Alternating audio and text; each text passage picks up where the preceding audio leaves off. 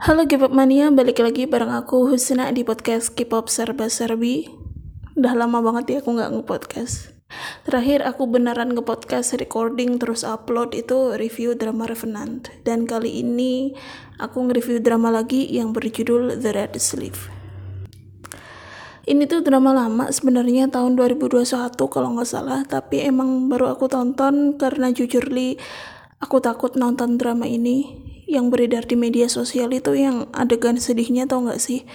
Dan karena aku menghindari drama yang menguras air mata karena itu bikin moodku nggak bisa balik seharian jadi aku nggak nonton drama ini sama sekali waktu tahun 2021 dan aku mengiranya itu sepanjang episode sampai 1 sampai 17 itu bakalan sedih terus. Jadi ya tak hindarin semuanya lah ya daripada moodku nggak baik tapi ternyata I feel wrong. Ternyata nggak gitu dramanya. Sedihnya itu cuma di episode 17 tapi itu beneran di pull off beneran didorong sesedih mungkin sama writer nimnya sepanjang episode 1 sampai 16 you might not find any sort of happiness out there. Last long happiness but somehow ya masih lucu lah masih asik enak di enak ditonton fun lah. Oke okay. uh, kekurangan drama ini tuh cuma satu sih. Kadang menurut aku pace-nya kelambatan. Buat kalian yang takut nonton Seigu karena uh, ter takut terlalu politik ya takut terlalu berat dramanya you don't need to worry. Di sini politik itu cuma maybe 30% dari ceritanya sisanya masih terkait dengan kisah cinta mereka lah ya.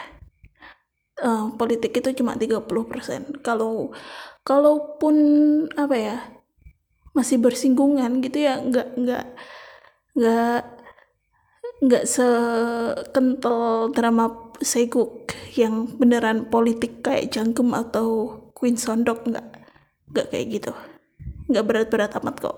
It's still fun. Drama ini tuh menceritakan apa sih?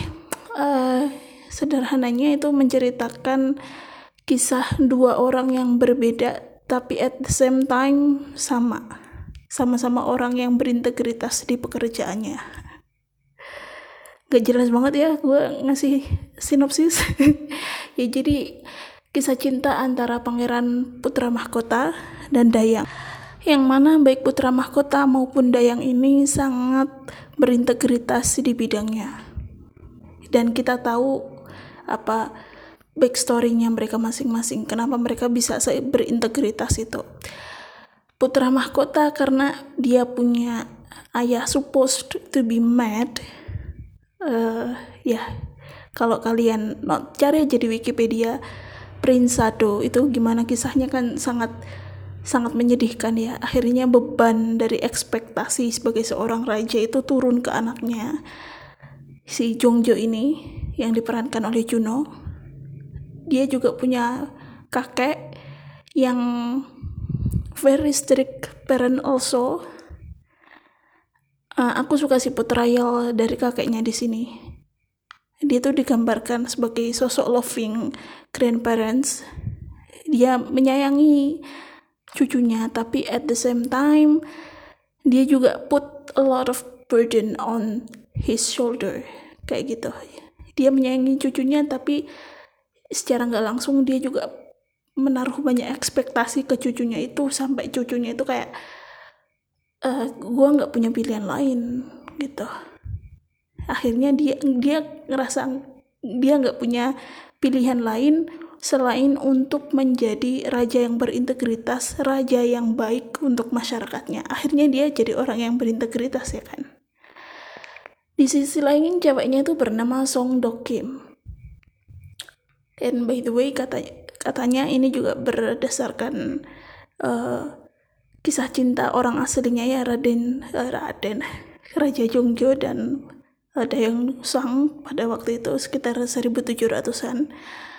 Dayang Sang ini uh, ya Dayang biasa gitu dari lowly kelas lah ya dari kalangan budak dulu orang tuanya.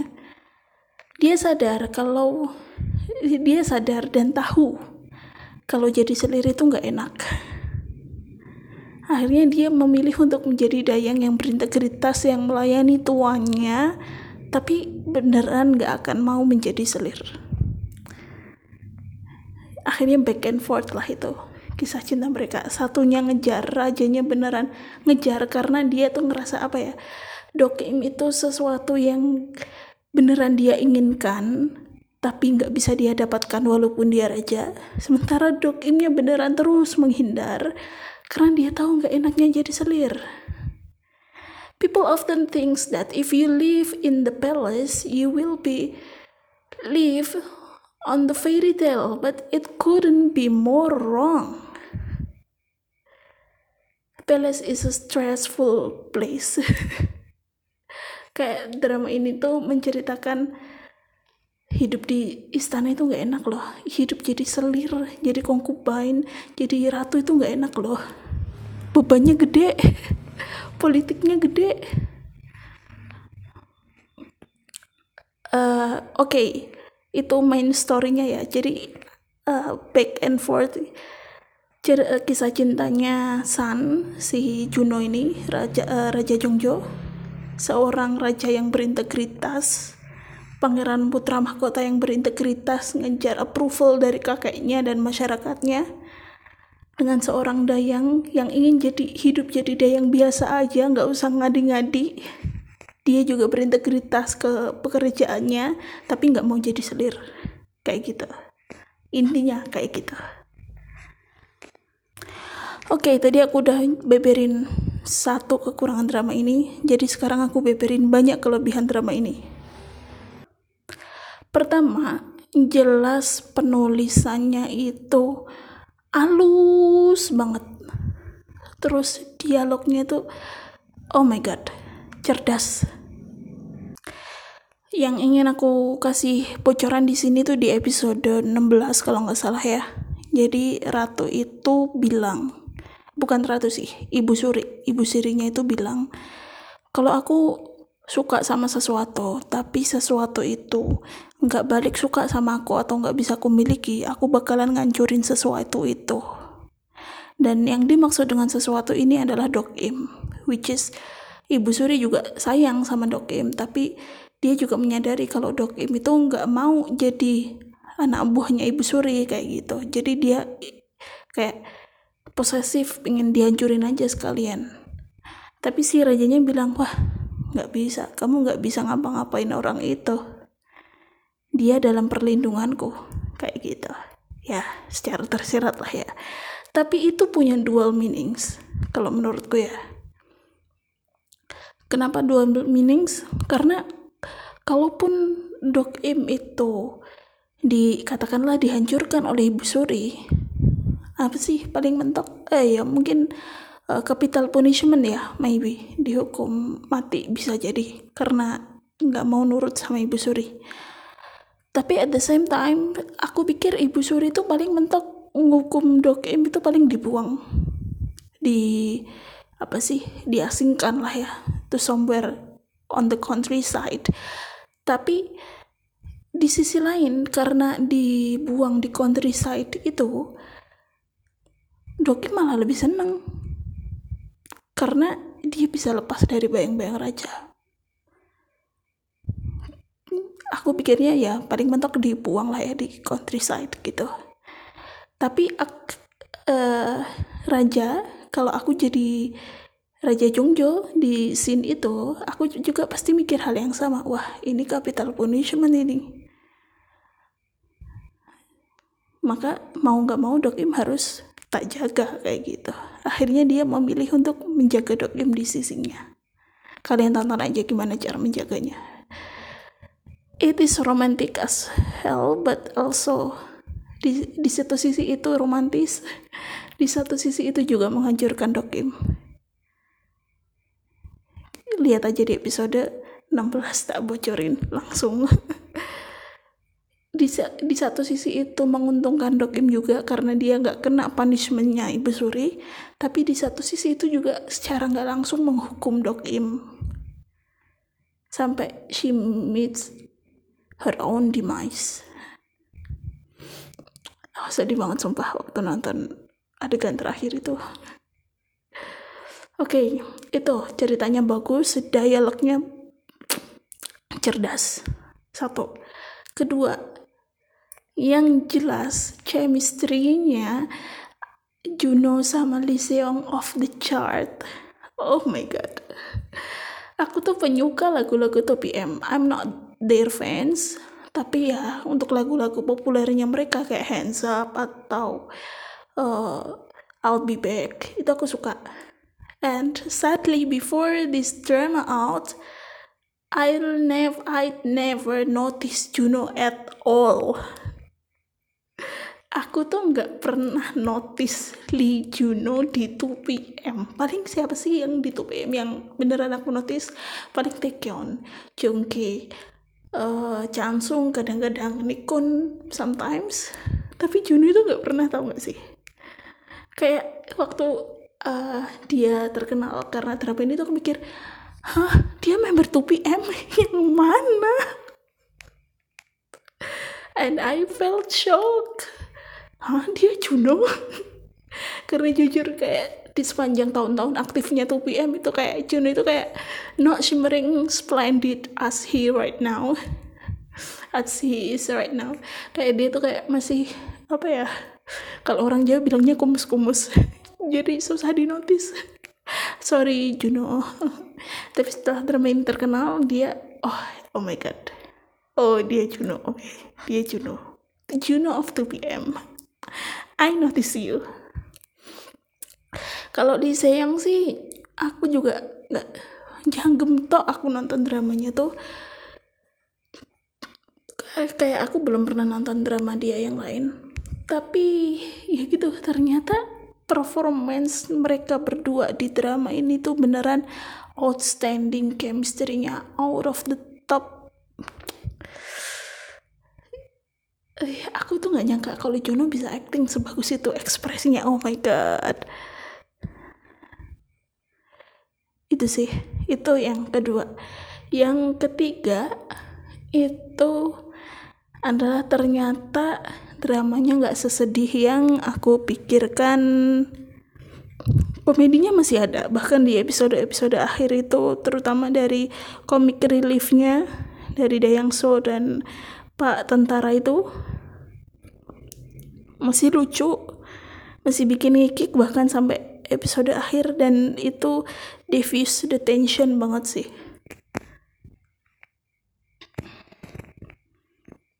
I'm so sorry dan itu yang membuat salah satu yang membuat aku suka drama ini. Ternyata nggak nggak setegang itu nggak semenyedihkan itu sampai akhir.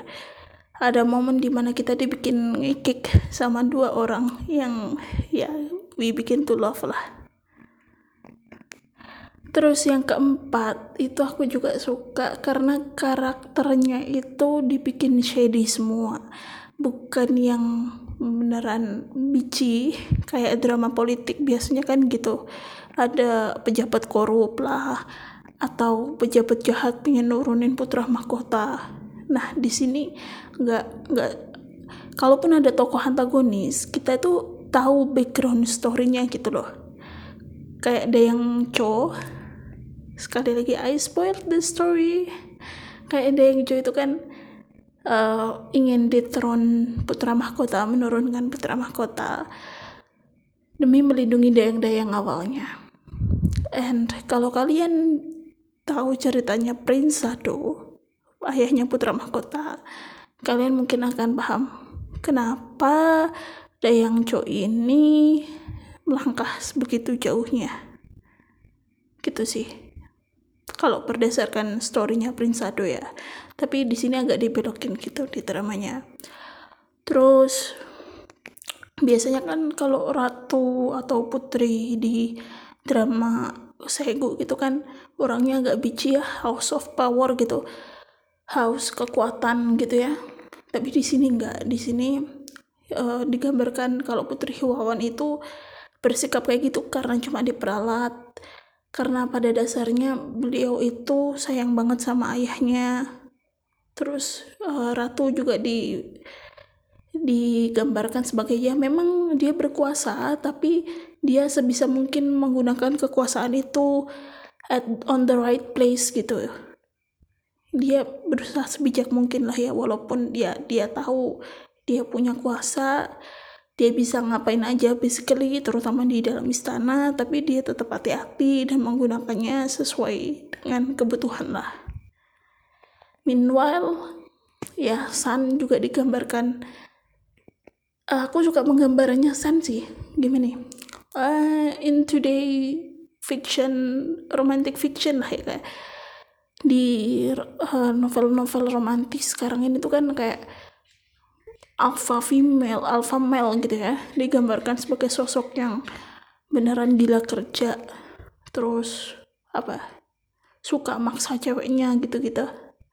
Tapi di drama ini ya kita tahu San itu gila kerja, tapi kita tahu kenapa dia bisa gila kerja.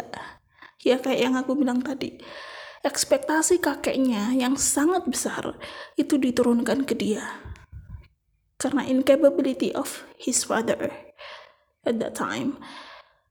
Dan otomatis dia harus menanggung semua itu. Jadi dia harus jadi se seseorang yang gila kerja pertama. Terus apa ya?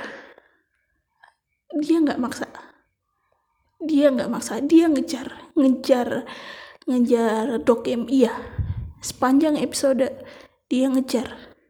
Dia mau menyatakan cinta dia ngejar sampai dapat tapi dia nggak maksa. Yang aku suka itu itu. Bahkan sampai di akhir dia bilang kalau malam ini kamu menolakku aku akan melepaskanmu tapi risikonya kamu nggak pernah nggak akan pernah lihat aku lagi. Kayak gitu yang aku suka itu itu. Dia dia sama sekali nggak maksa Dok Im. Dok Im boleh ngapain aja semaunya dia. Bahkan meninggalkan dia tapi dia bilang risikonya apa dan kira-kira kamu kuat nggak untuk nggak pernah lihat aku seumur hidup kamu? Kayak gitu. Dok Imnya juga kayak gitu. Digambarkan sebagai dayang yang berintegritas uh, cukup gila kerja juga. Tapi dia apa ya I loved her itu karena uh, gini karena dia tuh seorang female uh, karena dia tuh seorang female karakter yang kuat. Kuat dalam artian dia nggak menggunakan senjata nggak pernah menggunakan senjata or something yang very manly atau something that related with power dia tuh kuat karena dia mempunyai compassion untuk orang-orang yang dia cintai kayak gitu.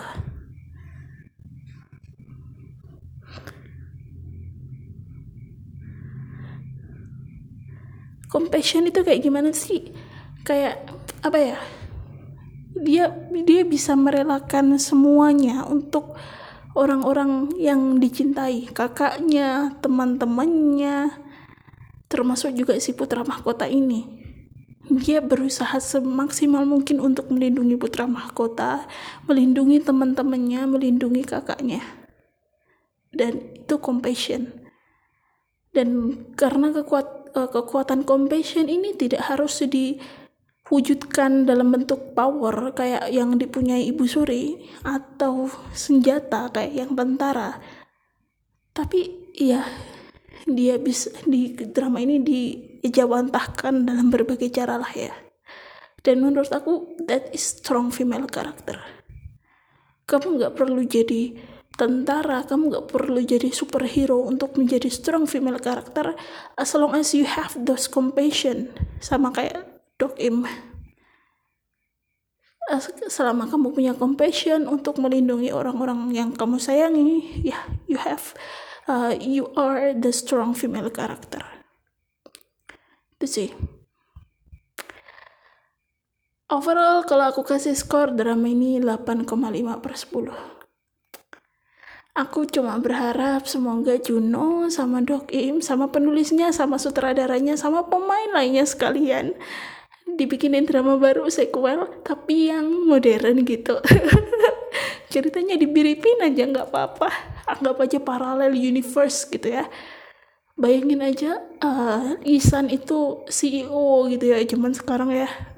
Terus uh, itu karyawannya gitu but with a very different ending. No tears has to be shed. Oke okay, ini review aku mengenai The Red Slave Cove by the way aku tuh nemu website yang um, menerjemahkan novelnya ke Inggris. Dan aku bacanya kayak apa ya? Lebih dingin sih daripada dramanya. Karena di di novel itu kayak digambarkan I don't know oh, if it's because the translation or indeed the story itself. Karena kadang penerjemahan itu pilihan kata yang dipilih oleh penerjemah itu ngaruh ke vibes ya kan? Itu membuat vibesnya itu beda. Di di novel ini tuh di novel The Red Sleeve yang diterjemahin di website gratisan itu pilihan katanya itu menggambarkan hmm, sosok Queen uh, Ibu Suri terus juga Lady Hekyong itu agak agak lebih dingin lah daripada yang di drama. Juga Sun itu juga agak lebih dingin. Jadi I like the dramas more than the novel. Okay this is for review today. Thank you for listening. Don't forget to subscribe. Keep up serba serbi if you need it to because yeah I just rarely upload any new content this day See you on the next episode. Bye bye.